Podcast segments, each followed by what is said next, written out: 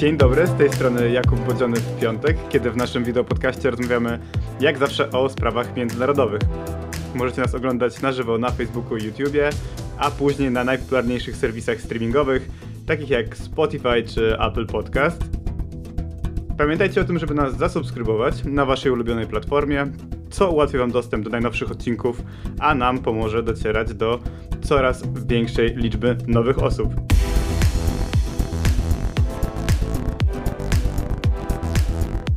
Jest ze mną Jarosław Kuisz, redaktor naczelny Kultury Liberalnej i wspólnie zapraszamy na rozmowę o Francji, a dokładniej o wyborach prezydenckich, które czekają ten kraj już w kwietniu.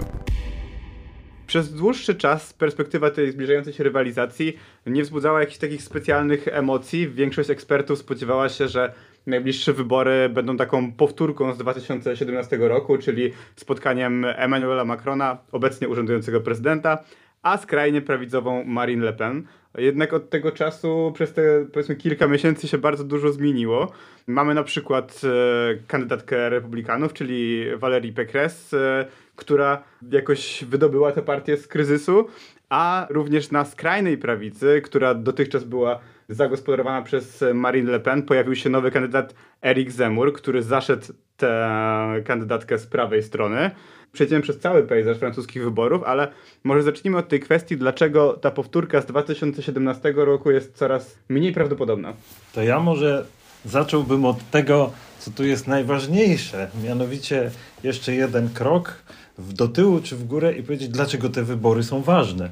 Otóż w ustroju Piątej Republiki Francuskiej to prezydent w zasadzie rozdaje karty. Ta władza jest potężna. To jest cały czas ustrój, który został zaprojektowany na miarę de Gaulle'a, a później, co prawda, go rozmontowywano stopniowo, na przykład zmieniając kadencję z 7 do 5 lat i tak coraz mniej tej władzy było, tutaj uszczknięto, tam uszczknięto i w pewnym momencie, prawda, można się zacząć zastanawiać, ile tej władzy jeszcze zostało. Niemniej, niemniej, cały czas to jest jeszcze potężna władza prezydenta Francji, który, przypomnijmy, nie jest tylko prezydentem Francji, ale także na scenie międzynarodowej odgrywa niemałe znaczenie.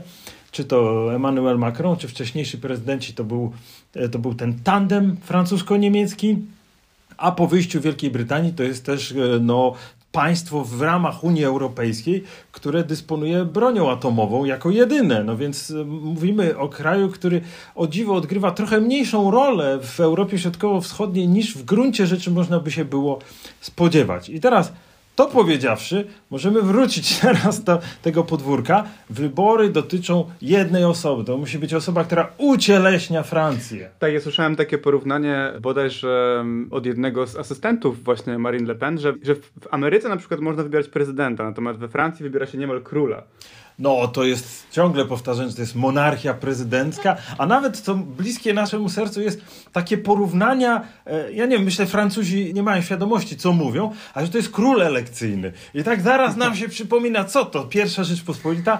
No, e, pamiętamy, że w pierwszej Rzeczpospolitej to jednak było hojnie na całe życie wybierano monarchę, a we Francji to jest teraz zaledwie 5 lat przebąkiwano o tym, czy nie powinno się wrócić do tych siedmiu lat, żeby to była jednak prezydentura pełną gębą, ale, ale na razie nic na, to, nic na to nie wskazuje, trzeba by było znowu zmieniać konstytucję. No i wracamy do tego, prawda, wyścigu, który jest bardzo ważny, no bo, prawda, jeżeli e, osoba, nie wiem, niepoważna, czy jakaś e, wywracająca stolik do góry nogami zdobyłaby tę prezydenturę, to nie tylko, że zdobywa ogromną władzę we Francji, ogromną, to jeszcze na dodatek przekłada się to z automatu na rozdanie w Unii Europejskiej, a już po Brexicie, czyli po tym, jak Wielka Brytania odpłynęła sobie o wiele dalej politycznie niż to tylko ten mały kanał La Manche by nam wskazywał, no to nagle, nagle się może okazać, że zaczniemy żyć w innej Unii Europejskiej niż myśleliśmy. I myślę, że nawet dla tych, którzy lubią wywracanie stolika u nas, To mogłoby być o jeden stolik za daleko. Tak, to zaraz o wracaniu stolika porozmawiamy, bo paru kandydatów, kandydatek ma takie pomysły. Natomiast mnie ciekawi to, co się zmieniło w ciągu tych pięciu lat. Bo przecież sam Macron, kiedy startował w swojej kampanii w 2016-2017 roku, był tym kandydatem zmiany. To znaczy był osobą, która właśnie przełamywała te tradycyjne podziały na prawicę i lewicę, no i nagle okazuje się, że po pięciu latach Francuzi znowu chcą zmiany, znowu chcą czegoś nowego, tak? Ja mogę jeszcze dodać, że już hasło Olanda było zmiana to teraz. No tak, tylko że temu prezydentowi to nie wyszło. No jemu to tak nie wyszło, że, że zresztą to jest zabawne, bo on teraz występuje, komentuje, sprzedaje książki, jak zawsze występuje, trudno się powstrzymać takiego śmiechu, bo on cały czas poucza. więc, więc jego, jego prezydentura była taką katastrofą, że on nawet się nie mógł ubiegać o reelekcję, co było pierwszym, pierwszym takim przypadkiem w Piątej Republice Francuskiej ale zostawiając już tego nieszczęsnego Hollanda, który utorował drogę dla Macrona. To prawda, Macron miał być tym kandydatem zmiany i ta zmiana miała miejsce. To jednak trzeba sobie powiedzieć, że on rozbił ten duopol partii politycznych, duopol, e, który trzeba by było tak z grubsza ochrzcić. Centroprawica, centrolewica.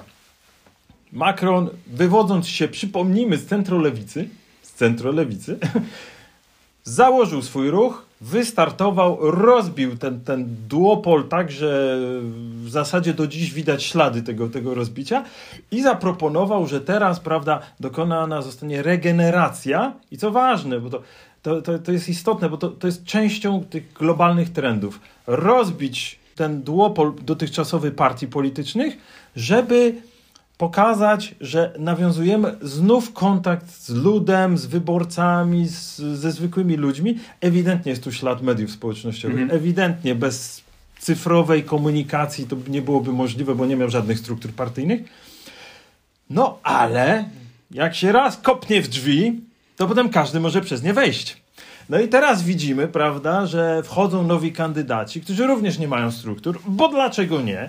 Pojawiają się nowe postacie, a w momencie, kiedy wybieramy tę głowę państwa, prawda, to tam są co prawda pewne bufory i zaraz o nich pewnie opowiemy, ale droga została otwarta tak szeroko, że inni też by chcieli, no bo demokrację. No właśnie, przez te powiedzmy wyważone przez e, Macrona drzwi wchodził, czy wszedł powiedzmy jesienią szczególnie, Eric Zemur, czyli ta osoba, która zaszła Marine Le Pen od prawej flanki i to wywołało takie mini trzęsienie ziemi. Szczególnie, że Zemur, teraz już to się zmieniło, natomiast e, jesienią e, znajdował się na czele tych opozycyjnych sondaży dla kandydatów e, prezydenckich.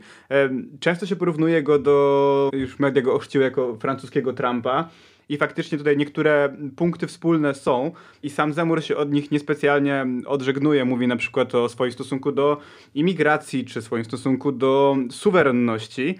Natomiast rys tego kandydata, jego pochodzenie też jest zupełnie inne. To znaczy Zemur jest przecież jednym z najbardziej znanych e, obecnie współczesnych e, francuskich intelektualistów, autorem wielu bestsellerów jego ostatnia książka nosi tytuł Francja nie powiedziała jeszcze ostatniego słowa. Nie powiedziała. Tak. E, a tutaj z kolei kolejne porównanie do Trumpa, no bo okładka jest bliźniaczo podobna do tego, co Trump, do swojej książki, którą wydał Trump przed wyborami prezydenckimi w Stanach Zjednoczonych, czyli Great Tam właśnie mamy Zemura, jak Trumpa, którzy stoją z założonymi rękoma w ten sposób i na tle francuskiej odpowiednio i amerykańskiej flagi. Jakie są w takim razie rzeczywiście te punkty styczne między Trumpem? Czy to jest określone porównanie, czy to jest taka figura publicystyczna i kim jest sam Zemur? Erik Zemur sam się porównuje do Trumpa. On tak e, nie bez powodu o tym mówi, ponieważ chce być tym antyestablishmentowym kandydatem. Ale muszę powiedzieć, jak się zaczynamy bliżej przyglądać tym dwóm postaciom, no to trudno znaleźć więcej różnic. Erik Zemur jest typowym francuskim intelektualistą ze strony prawej. Jest to człowiek, o którym powiedzieć, że jest erudytą, to być może nie dość, ponieważ on jest naprawdę takim, takim typowym przedstawicielem kawiarnianego życia intelektualnego, w którym zanurzamy się w lekturach z przeszłości, w historii, w filozofii, po to, żeby przebudować świat w którąś stronę. No akurat w jego przypadku w prawo. I on mówi o tym, że, że, że dokonać trzeba takiej zmiany, takiej regeneracji Francji na miarę Donalda Trumpa. No dobrze, to, to, to wiemy już, że Trump to generalnie raczej miał prostsze wizje, prostszą wizję świata. O jego życiu intelektualnym nam niewiele wiadomo, więc e, w każdym razie Erik Zemur jest trochę innej, innej półki. Nie zmienia to faktu, że jest jedna rzecz, która ich łączy. Otóż obaj zrobili karierę quasi-celebryską w mediach wcześniej. Mhm. Donald Trump, wiadomo, tam występował w Kevin sam w domu i tak dalej. No, ale też ten show The Apprentice, który jakby wykreował tą de facto fałszywą postać Trumpa jako geniusza biznesowego, ale Zemur ma taki bardziej inteligencki sznyt tej telewizyjnej ale kariery. Ale co kraj to obyczaj. No bo, no bo cóż u, u Zemura. Zemur w gruncie rzeczy takiego kopa medialnego dostał Wtedy, kiedy zaczął występować w bardzo popularnym, mainstreamowym programie One Pakusze, to jest taką, taką tam pełnił rolę komentatora na stałe, który mówi o wszystkim, o kulturze, o polityce i filozofii i to trwa mniej więcej dwie godziny. Nie? Czy to jest program Nie, nie jesteśmy w łóżku? Dobrze rozumiem to? E, jeszcze się nie położyliśmy. Jeszcze się nie położyliśmy. Jeszcze nie tak? śpimy. Jeszcze nie śpimy. W zasadzie jeszcze nas nie położono. Tak? Jest ten.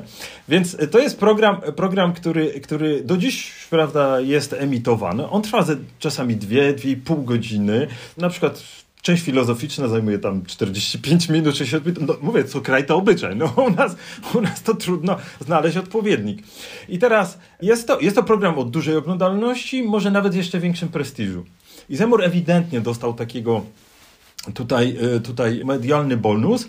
Później się drogi rozeszły z prowadzącym ten program, ale osobowość Zemura była tak wyrazista, tak medialna, że on natychmiast dostał inne propozycje i to było jasne, że on z tych mediów nie wyjdzie. Więc jednocześnie jest on dziennikarzem, jednocześnie jest publicystą, ale jest celebrytą telewizyjnym, który od wielu lat współprowadzi swój program telewizyjny, a od momentu, kiedy jeden z kanałów prawda, przesunął się w ewidentnie prawą stronę i zaczął Fox Newsować we Francji, to on tam miał takie okienko, w którym potrafił wygłaszać takie 25-minutowe monologi, a ludzie to siedzieli, oglądali i tam naprawdę tysiące osób oglądały ten, ten program, bo on cieszył się mhm. ogromną popularnością.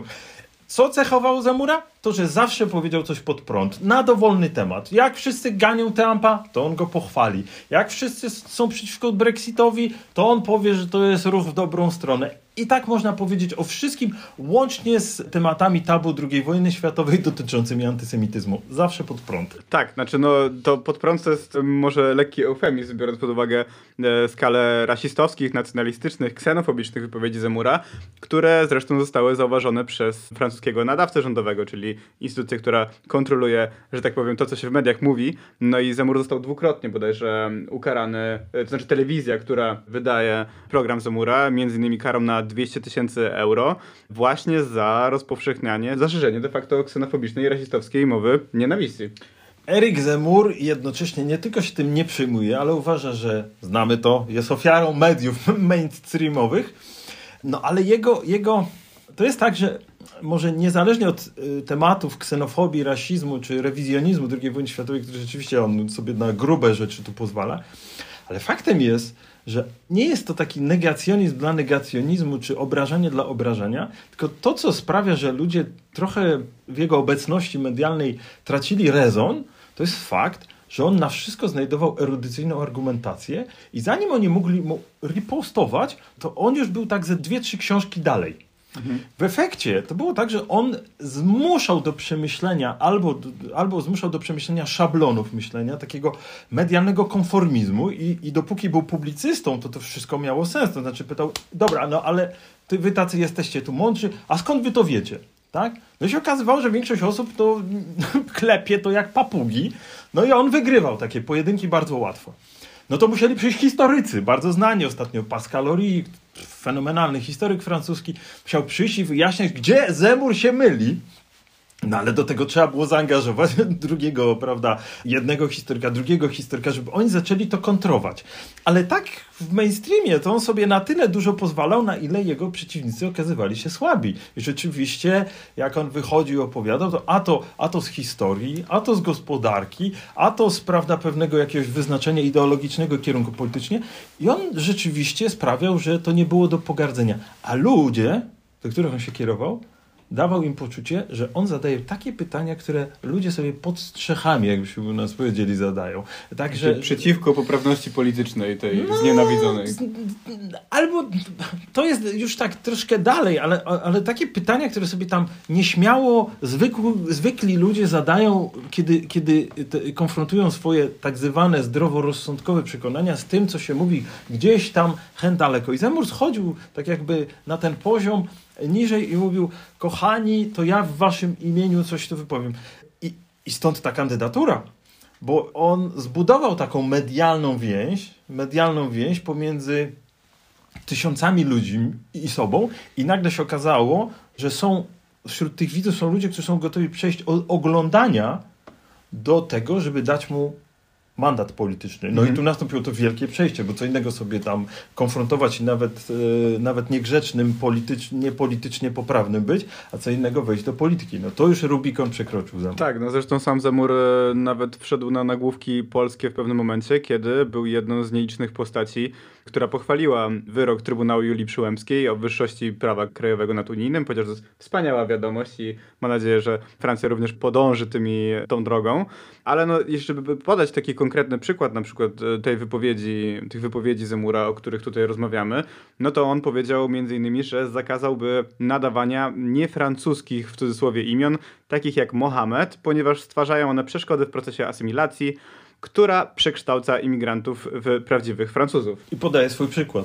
Mhm. No tak, to- o tym my jeszcze nie wspomnieliśmy, co jest w sumie kluczowe też w postaci Zemura i co daje mu jakąś taką retoryczną tarczę w tym wszystkim, bo sam Zemur, 63-letni kandydat, chociaż urodzony we Francji, to de facto jego rodzina jest z pochodzenia z Algierii. Żydowska rodzina z Tak, Algierii. więc jest żydowskim synem imigrantów i teraz wchodzi gładko w skrajnie prawizową retorykę. Owszem, ale doprowadza do furii, prawda, intelektualistów o podobnym pochodzeniu, którzy, którzy po prostu mówią, że no, to w ogóle jest niedopuszczalne. Zresztą intelektualiści, którzy przyznają się do jakiegoś, bo we Francji to tak nie, no nie mówi się o tym, czy ten ma takie pochodzenie, czy inne, no bo jest republika, wszyscy są obywatelami i republika powinna być ślepa na to. Tak, no ale to, ci, ta, którzy... ta kwestia rasowa jest tylko tutaj dla naszych widzów, że jest zupełnie inaczej postrzegana na przykład niż w Stanach Zjednoczonych, gdzie jakby z tego się często czyni jakiś taki totem, jakby na pewno jest to elementem debaty publicznej. We Francji raczej nie, wszyscy są Francuzami, wszyscy są obywatelami republiki. Tyle, tylko że Erik Zemur mówi o swoim pochodzeniu żydowskim po to, żeby skierować je y, w stronę tej argumentacji prorepublikańskiej, bo on mówi,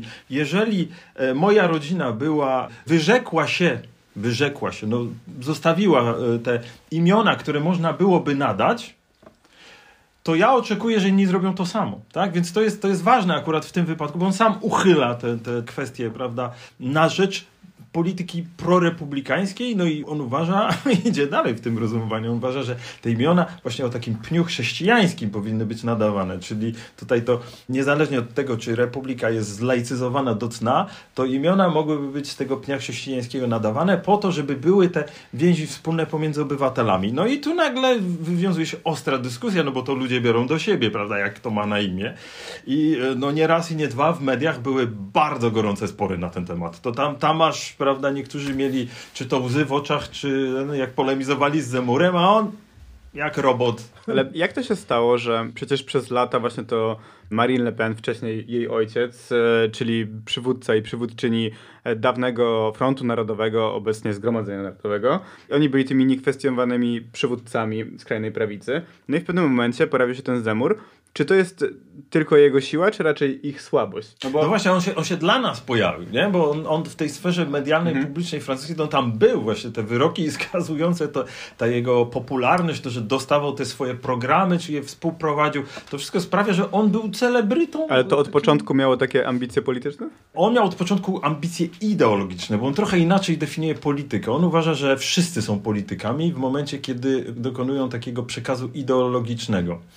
I jeśli chodzi o te, te, ten przekaz medialny, to on by powiedział, że my tutaj uprawiamy politykę i wiąże się ona z reprezentowaniem pewnej ideologii. Ja jestem w stanie się z nim zgodzić i powiedzieć, że ja nie akceptuję jego ideologii, jego, jego podejść, podać argumenty polityczno-historyczne i powiedzieć, że ja się obawiam, do czego nas doprowadzi ten jego, te jego zabawy z, z demokracją, rozumiejąc, że na przykład mamy do czynienia z jakimiś problemami, z którymi należałoby się zmierzyć. Tu stawiam kropkę, ale on generalnie, na przykład, co doprowadza dziennikarzy francuskich do furii, to to, że on potrafi w trakcie wywiadu powiedzieć, no dobrze, dobrze, pan tak tu zadaje pytanie, ale pan nie jest neutralny. Pan jest ideologiem. Pan jest tutaj przedstawicielem te, To- tego to- świata medialnego, establishmentu, który z reprezentuje... polskich mediów. Oczywiście, oczywiście, tylko we Francji to, to, to brzmi inaczej, bo on nie jest u władzy, tak? Mhm. To jest ogromna różnica, kiedy populiści narodowi są u władzy, a kiedy oni dopiero po nią idą. Więc Erik Zemur wyłonił się dla nas, ale we Francji to on był obecny. Co on zrobił? On się przesunął o ten milimetr, prawda? W swoim pojmowaniu polityczności, bo on, "E, skoro ja jestem politykiem, to teraz rozważyć trzeba, a ludzie do niego szli, tam zachęcali go. To nie jest tak, że, że on nie miał takiego responsu ludowego. I on przedstawił taką morderczą argumentację, mówiąc, że po pierwsze, Marine Le Pen od dawna dokonuje takiej dediabolizacji. Lubię to słowo francuskie, bo ono jest oddemonizowanie. Co, co to znaczy? Co, co ona chciała zrobić po No, poprzednich Marine wyborach? Le Pen w 2017 roku osiągnęła tak wysoki wynik w zestawieniu z, 37% z, z. Macronem, że ewidentnie przebiła sufity ojca swojego, Jean-Marie Le Pena i postanowiła, że teraz idzie do centrum. Idzie do centrum i ona tam w tym centrum zgarnie te, te głosy, mimo że dostała straszliwe lanie w czasie tej debaty telewizyjnej od Macrona, uznała, że się odgryzie, bo po pięciu latach Macron będzie zużyty. I teraz ona od lat zmienia nazwę partii, ojca odsunęła, on się tam jej odgraża, ale odsunęła go. To dodajmy tylko, że teraz ojciec Marine Le Pen mówi o tym, że będzie głosował na Zemura. No tak, tak, do zrozumienia, tak, to on, on rzeczywiście dał Wraz ze swoją wnuczką zresztą. Wnuczka się trochę odcięła, to w ogóle jest jakaś taka, jak w sukcesji, prawda, w tym serialu, prawda, cała ta rodzina, ktoś kiedyś nakręci o Lepenach serial, to na pewno zwrotów akcji nie brakuje. Natomiast Zemur przychodzi do, do tego stolika politycznego i mówi tak, ej, ta Marine Le Pen to tylko was oszukuje. I tu dwa powody. Po pierwsze, ona nic nie jest w stanie wygrać. I to nie jest tak, że mówi sobie, sobie amuzą, tylko ostatnio były tam... Było zaraz po wyborach regionalnych, w których Wyborach- Front Narodowy, przepraszam, Zgromadzenie Narodowe, nie uzyskało żadnego miejsca, tak? Nie no, tam oczekiwania były tak rozdęte, tak rozdęte, że jak się okazało, że oni praktycznie nic nie wygrali, to w partii było takie wielkie, o nie, znowu, prawda? I wtedy, i wtedy Zemur, dosłownie ta sekwencja czasowa jest jasna, mówi, ona nic nie może wygrać. I przychodzi teraz, uwaga, tadam, to jest Zemur intelektualista i mówi, ale tu jest błąd, błąd ideologiczny. To jest błąd ideologiczny, bo ona, proszę Państwa, w czasach, które idą w stronę prawą, bo tak, takiej odpowiedzi politycznej powinno się udzielić, ona idzie tam do centrum, flirtuje, czy tam pieści te jakieś postulaty lewicowe, to w ogóle jest w zasadzie zdrada naszych ideałów. I w tym momencie zaczyna się opowieść zupełnie inna, bo Zemur mówi, a tymczasem dawniej było coś takiego, że patriotyczna burżuazja francuska była w sojuszu z masami ludowymi. To jest dokładnie język, którym się tam posługuje. I mówi, teraz trzeba nawiązać do tego sojuszu z dawnych lat. To był, był taki moment w historii prawicy francuskiej, kiedy ten sojusz tam był i został zdradzony i Marine Le Pen nie tylko jest nieskuteczna, ale jeszcze ona jest tak naprawdę lewicowa. I tu po prostu jakby jej wbił nóż przez I w tym momencie, jak wszedł do polityki, czy tam dawał do zrozumienia przez długi czas, że wchodzi do polityki, piu, poleciały mu sondaże tak w górę, że doszło do wydarzenia hist- w historii Piątej Republiki Wielkiego. On w pewnym momencie sondażowo przeskoczył Marine Le Pen. I to, był, to było wielkie symboliczne wydarzenie, bo jeszcze nigdy nie było tak, żeby w jakichś sondażach od lat 70. po stronie skrajnej prawicy nazwisko Le Pen nie było na pierwszym miejscu. No tak, i to też była jakaś taka tradycja drugiej tury wyborów, jeśli chodzi o Francję, co w pewnym momencie na przykład Macronowi teraz e, wydaje mi się, że to był dla niego wymarzony scenariusz, znaczy, żeby znowu spotkać się w drugiej turze z kandydatem bądź z kandydatką skrajnej prawicy, ale żeby to był raczej Le Pen, to de facto się wydarza, dochodzi do czegoś takiego, że po prostu ten elektorat negatywny Le Pen jest tak duży, że Macron w tym momencie by wygrał, a tutaj nagle okazuje się, że ten scenariusz raczej się się nie, nie ziści, ale... Macron był zadowolony, jak Zemur wystartował. Przecież to oznaczało, że nagle, prawda, ten... Oni, Że jeszcze bardziej prawica się podzieli. No, że, że skrajna prawica się podzieliła, to o tym to nikt nie myślał. Macron grał na to, bo tam z sondaży wynikało, że w drugiej turze to Marine Le Pen, nawet jeśli te sondaże idą, idą, idą w górę, to w drugiej turze, że jednak nie wygra. No więc Macron, jak każdy polityk, prawda, sobie tam kombinował, wyciągał sondaże i uznał, że no to pozamiatane, tak, będzie dogrywka, to on tam znowu parę ciosów wyprowadzi tej Marine Le Pen i ona się nie podniesie, do widzenia, nie? A tu nagle, zresztą to było trochę do przewidzenia, bo Francuzi z sondaży to też wynikało, byli tak znudzeni. Oni, to, to był taka, taki paradoks, że z jednej strony dopuszczali myśl, że będzie dogrywka z 2017 roku, a drugie pytanie było, czy tego chcą? Nie, nie, w ogóle nie. Więc, e, więc byli tym śmiertelnie znudzeni. No i zwrot akcji pierwszy Zemur, ale to nie jest jedyny zwrot akcji, prawda?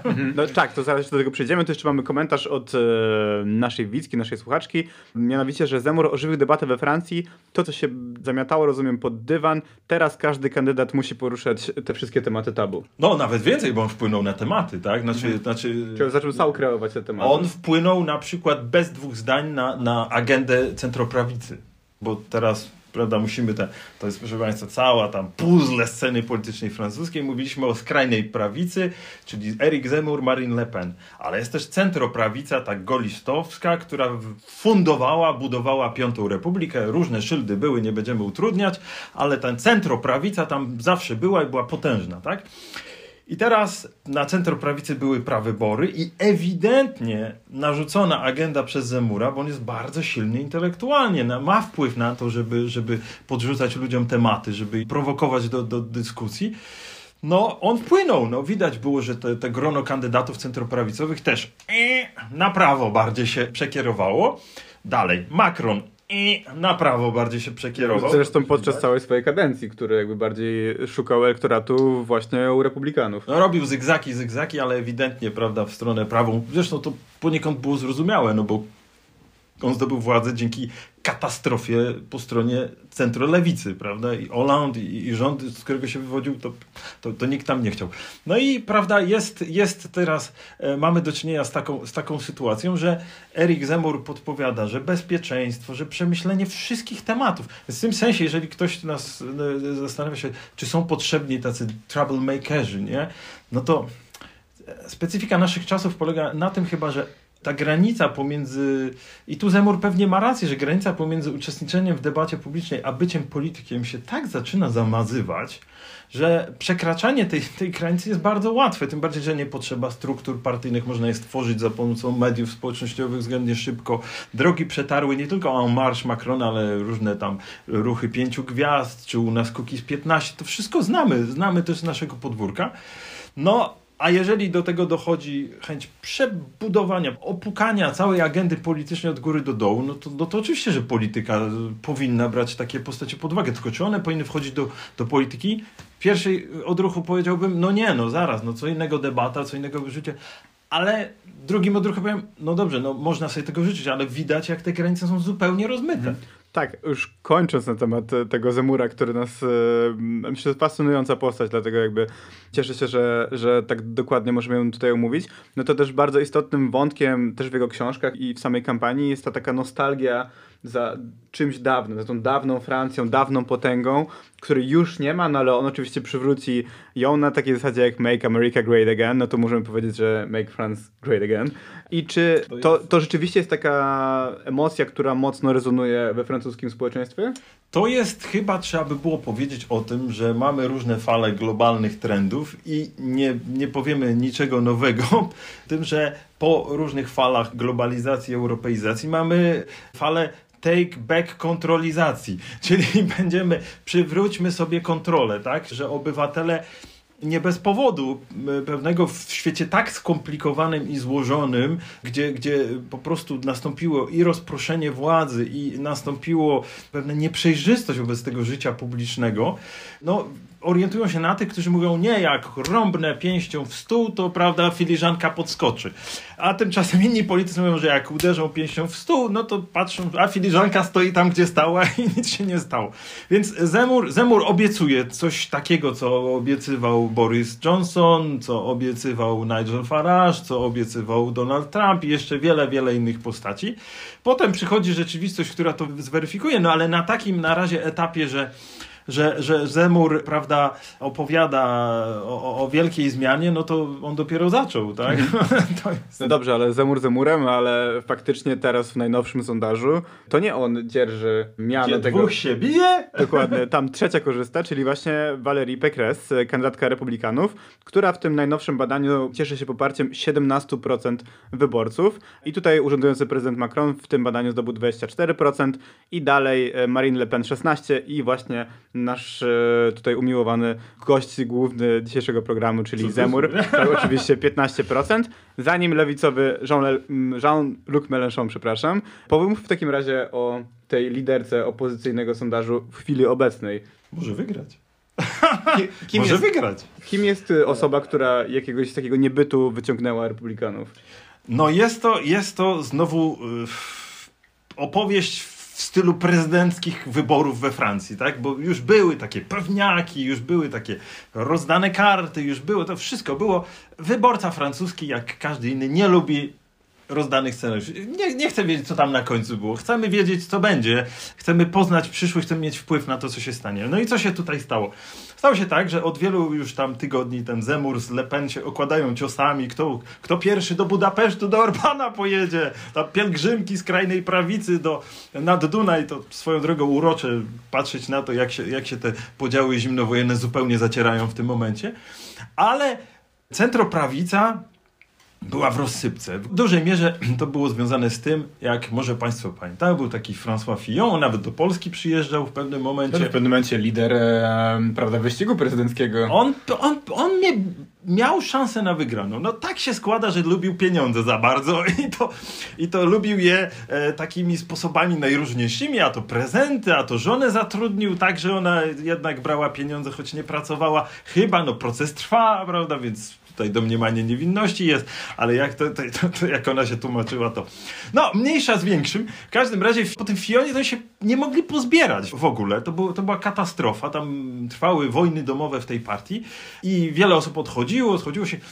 I dla centroprawicy, tam nie wiem, jakiś, jakiś był taki moment opamiętania. Znowu wyroiło się całe grono kandydatów. I oni stwierdzili, że pójdą w prawybory, ale takie nie, nie samobójcze jak poprzednio, gdzie oni się tam naprawdę zaczęli okładać, tylko takie, że będziemy debatować, ale grzecznie, nie? No i tak wszyscy tam złośliwie komentowali, o, tylko te nie wytrzymają już tam, prawda, będą sobie kij wsadzać przez kratkę medialną, ale wytrzymali. To było niesamowite. Oni wytrzymali, byli wobec siebie powściągliwi. Były to eleganckie debaty w starym stylu. Trochę tak, one były nawet trochę nudne. ciekawe. Ale, ale oni wytrzymali, wyłonili tego kandydata i nagle co się okazało, że ta partia z tymi strukturami, że ta partia, która ewidentnie też skręciła w prawo, że, że ta para, która się układa Zemur-Le Pen, no że generalnie ludzie na prawej stronie, jeżeli są konserwatywni, to może też woleliby mniej radykalnego kandydata. I niesamowite przetasowanie, tu już skracam, po, polegało na tym, że jak Valerie Pécresse została wyłoniona w tych prawyborach i zaczęto badać efekt sondażowy, to ona w niektórych dobiła pod 20% poparcia, przeskakując Zemura i Le Pen, prawda? A nawet już w kolejnych sondażach okazało się, że jak estymacje tam to, gdyby przeszła do drugiej tury, na co jest, jest szansa, to czy pokonałaby Macrona? Pokonałaby. No o. pokonałaby, no, znaczy, no, jest szansa, że kobieta. I, I teraz dopiero ruszono, że to przecież jest kujonka, że to jest uczennica dobra, że ona była tam za Sarkoziego tym, a tym, prawda? Tak, rzeczywiście to wszystko prawda, ale jest też kobietą. Tak, no i byłaby oczywiście pierwszą prezydentką Francji. Określa się sama w jednym z wywiadów w jednej trzeciej Thatcher, w dwóch trzecich Merkel. Tak, no Mélenchon, którego tutaj mówiliśmy z lewicy, powiedział, czyli niewiele zostaje nam, na, na, na, nam dobrego. więc, więc to był taki złośliwy komentarz. No ale ona jest kompetentna. Tak, ona jest kompetentna. Ludzie wiedzą, że po, po to może lepiej by było mieć kogoś... Yy kto się orientuje w zarządzaniu państwem. Ona jest e, świetnie wykształcona. Ona się potrafi wypowiadać zdecydowanie po prawej stronie, ale w pewnych granicach grzeczności. Żadnego tam jakiegoś derapażu, jak to tam mówią, wyskoków nie będzie. Więc e, ona tak buduje takie zaufanie stonowane. No i wreszcie potrafiła pogodzić tych wszystkich panów, którzy przegrali z nią. I teraz, kiedy występuje, był taki, to ważne, taki, e, jednym z jej kontrkandydatów był taki polityk, e, taki, który orientował się na Zemura w tym dyskursie. I on tam wystartował jako taki przedstawiciel w ramach centrum prawicy, że on będzie to ciągnął w stronę skrajną. I ona dzisiaj z nim występuje. Była w stanie bardzo duże różnice. Nie wiem, nie wiem jak to długo potrwa. Tam występują i on tak stoi tak sztywny jakby kij Ale, Ale jest! Jest, więc to jest jej duży sukces, że ona potrafi być może, być może ona będzie zasysać ten elektorat skrajnej prawicy. Tym bardziej, że jeśli chodzi o wojnę pomiędzy Zemurem a Le Pen, to pokoju nie widać. Mhm. Na koniec jeszcze poruszmy kwestię lewicy. To nie jest tak, że ona nas nie interesuje, natomiast e, no, kandydaci i kandydatki tam e, są, że tak powiem, rozproszeni. Oględnie rzecz mówiąc. Co, co tam się podziało? To jest mało znaczy, dlaczego, dlaczego nie ma w takim razie jednego kandydata bądź kandydatki lewicowej, tak jak nie można było zrobić tej cywilizowanej debaty, grzecznej bądź niegrzecznej. Lezeko, taki, taki poważany, y, poważana gazeta ekonomiczna, opublikowała ostatnio jeden z ostatnich sondaży, którego wynika, że ta, około 28% respondentów byłoby gotowych głosować na lewicę, tyle tylko, że tam jest siedmioro kandydatów.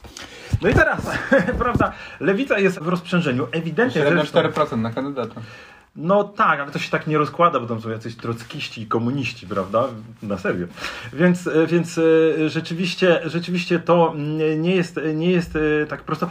Choroba lewicy, wydaje mi się, być może z wyjątkiem Niemiec, ale ona się rozchodzi, polega na tym, że tam są ludzie, którzy są na ogół bardzo dobrze wykształceni, bardzo elokwentni, i niestety jest to, co tam lata temu pisał Richard Rorty, prawda, i mnóstwo innych osób, że oni się odrywają od swojego elektoratu. Nawet sposobem mówienia. Nawet sposobem Ale od tego tradycyjnego elektoratu ludowego, rozumiemy ludowego. Ludowy, tak? To już są badania na to, że on właśnie, że ten elektorat poczuł się do tego stopnia zostawiony w wielu sferach, prawda, że poszedł sobie na skrajną prawicę, no bo tam ludzie mówią tak jak ten elektorat e, rozumie, słyszy, komunikują się z nim, no to w tej sytuacji, prawda, te, te, a, a lewica stawia coraz wyższe wymagania, prawda, coraz wyżej są te, ta poprzeczka tematów jest związana z różnego rodzaju ograniczeniami siebie, prawda. A prawica ma troszeczkę też to, co widzimy z naszego podwórka, to znaczy jakby kochamy cię takim, jakim jesteś. No jeszcze se popuść pasa. Nie musisz się zmieniać. Tak, tak, no, no widać to przy tematach szczepionkowych, prawda, bardzo dobrze. A, a lewica tam stawia te wymagania jest bardzo elitarna w gruncie rzeczy. To są ludzie super wykształceni, przychodzą jakimiś danymi ekonomicznymi na temat nierówności. Tam jedni to rozumieją, inni nie, ale, ale to sprawia, że też jakieś tak socjologicznie to są ludzie, którzy są, są, są e, no, bardzo skłonni do tego, żeby się poróżnić między sobą również. I to widać, po prostu tam e, tych liderów jest zatrzęsienie świetnie wykształconych, potencjalnie każdy, prawda, buławę nosi. No bo skoro, skoro, każdy jest świetnie wykształcony, świetnie obyty, ma najlepsze kompetencje możliwe do... Wie, co jest dobre. I wie, co jest dobre, no to czemu ja mam odpuścić, żebyś ty był prezydentem? No nie wolno, nie wolno. No i teraz mamy taką sytuację, że nie tylko mamy tę czeretkę kandydatów, która rozbija głosy w no, no, znacznym stopniu, ale jeszcze co chwila się nowi pojawiają. Są, są jakie, takie, takie ploteczki, że jeszcze być może kolejna osoba wejdzie do, do, tej, do tej konkurencji, już mniejsza, mniejsza o nazwiska, bo to, to w Polsce nic nie powie, ale spośród takich kandydatów, no to po Holandzie ta centro-lewica się w ogóle nie jest w stanie podnieść. Jest jeszcze coś, co nazywa się skrajną lewicą, czyli Jean-Luc Mélenchon, który tam dookoła 10% się kręci, ale, ale jakoś sufitu nie przebija. Część z tych ludzi też już się kojarzy wyborcom z establishmentem, to znaczy oni co prawda nigdy nie, nie, nie zdobyli władzy, ale oglądaliśmy ich w poprzednich wyborach, w jeszcze, jeszcze wyborach i innych wyborach. No i tak tak, e, to nie jest nic nowego, to ciągle to samo, ciągle to samo. Więc trochę wydawało się, że zieloni pociągną, no ale przy tym rozproszeniu to i zieloni toną, no bo oni tam No tak, w też... okolicach 5% bodajże. Nie, nie, to Janik Żado tam potrafi dociągnąć do 8, tam 9, czyli też trochę tak jak Jean-Luc Mélenchon się, się pojawia, no ale on dla odmiany, to jest cały, cała uroda tej lewicy, on dla odmiany jest już po prawyborach, bo, bo, bo Zieloni sobie zrobili swoje prawybory, tam ostro było, ale w końcu tego y, Janika Żado wy, wyłonili. A teraz, prawda, cała lewica mówi, ale ty, ale ty, ty zieloni, to chodźcie, to zrobimy jeszcze jedne prawybory, tak jak licząc na to, co się stało w centro, centro e, prawicy. Na razie się w ogóle na to nie zanosi, bo Jean-Luc Mélenchon znowu wstanie i się potem wycofa, to jest, człowiek, to jest taki solista, że, że, że ja, ja w to wątpię. Więc krótko mówiąc, ale chyba jeszcze ostatnia ważna rzecz, że nawet jak się ich tam wszystkich zliczy, minus tam jacyś trockiści czy coś takiego, to to jest o wiele mniej niż prawo w stronie. To jest o wiele mniej. Więc oni generalnie, trudno powiedzieć, szli po władzy. To jest jednak tak, że kolejne programy publicystyczne o druatyzacji, prawda, o tym skręcie w prawo francuskiej sceny publicznej, no są absolutnie uzasadnione. Więc oni generalnie, nawet jakby się połączyli, to nie jest powiedziane, żeby w ogóle tam coś wywalczyć. Ale na ile to jest zasługa François Hollande i jego prezydentury, które oni się jeszcze z tego momentu nie podnieśli? Hollande wychodzi, naprawdę próbuje książkę, opowiada tam, bo ja bym zrobił to, ja bym zrobił tamto. Muszę Państwu wiedzieć, że życie kabaretowe, takie rozrywkowe dotyczące polityki jest bardzo żywe, więc jest on jedną z najczęściej parodiowanych postaci. Tacy wychodzą imitatorzy głosów, jest ich kilku tam, nabijają się z tego Hollanda, bo on ma taki charakterystyczny głos, łatwy do imitowania. No i nic bardziej nie obśmiesza go niż, niż taki, takie właśnie pouczanie człowieka, który literalnie przegrał wszystko. No. Dziś już się słabo pamięta, ale był, był taki numer tygodnika lewicowego, w którym on takie dumne zdjęcie było jestem gotów, nie? A no, minęły parę tygodni i to nie, jednak nie, nie będę kandydował. Już jednak nie był gotów. Już, już, jednak nie jestem gotów. No i ta, ta, ta centrolewica, tak ten Oland na cień się tam unosi. Rzeczywiście żaden lider się po nim nie pojawił. Sprzedali się dzibę. Mówią o jednoczeniu się, ale widocznie jeszcze za mało w skórę dostali, tak jak prawica, żeby, żeby rzeczywiście podjąć się, podjąć się tego, tego, tego wyzwania. No i chyba też jest tak, że wyborcy nie bardzo wierzą, że oni tam coś mają, mają jako coś do opowiedzenia o przyszłości. No trzeba pamiętać o tych, o tych wielkich trendach, no i ten, ten take back kontrolizm, że to jednak zamykanie się, może bardziej mury, może bardziej państwo narodowe, może jednak bardziej tożsamość narodową trzeba chwalić. To, to, to są te, te punkty orientacyjne, które no także we Francji występują, czy to nam się podoba, czy nie. Na koniec w takim razie ostatnie proste pytanie. Kto trafi do drugiej tury i kto wygra wybory prezydenckie we Francji w kwietniu? No w tej chwili to Macron Pécresse idzie i, i jeżeli to tak by dalej wyglądało, bo zwrotów akcji w ostatnich tygodniach było tyle, że ja tutaj nie powiem, że, że tak będzie, bo po prostu to jest za piękny spektakl, żeby, żeby nie ma co sobie, co sobie psuć. Jeszcze, jeszcze się może wiele, wiele zdarzyć, tym bardziej, jest COVID, tym bardziej, że jeszcze w gruncie rzeczy Macron nie, nie zaczął. Co prawda ostatnio wystąpił tam w telewizji i opowiadał, że on jest takim neutralnym, pozapolitycznym, tutaj jeszcze nie kandyduje i w ogóle różne tam dusery prawił, ale tak, tak na serio to on jeszcze nie zaczął tutaj, nie wszedł do tej rozgrywki pełną gębą, więc e, no, serial przed nami, jeden. Dopiero no. pierwszy, pierwsza seria. Tak, e, jesteśmy po, po, po pierwszej serii, może po pilocie nawet. W każdym razie serial będzie dalej trwał, my również będziemy go relacjonować tutaj na naszej antenie. Na dziś bardzo Państwu dziękujemy. Dziękujemy również naszemu wydawcy Piotrowi Kierzunowi i wszystkim naszym widzom, że jesteście, że nas wspieracie zarówno dobrym słowem, jak i finansowo, do czego serdecznie zachęcamy. Pamiętajcie, żeby obserwować też inne nasze podcasty, czyli środowy Widok z K2 Karoliny Wigury i Katarzyny Kasi oraz czwartkowe Prawo do Niuansu Jarosława Kuisza. Na dziś to wszystko. Dziękujemy. Dziękujemy. Do zobaczenia. Do zobaczenia. Wesołych świąt!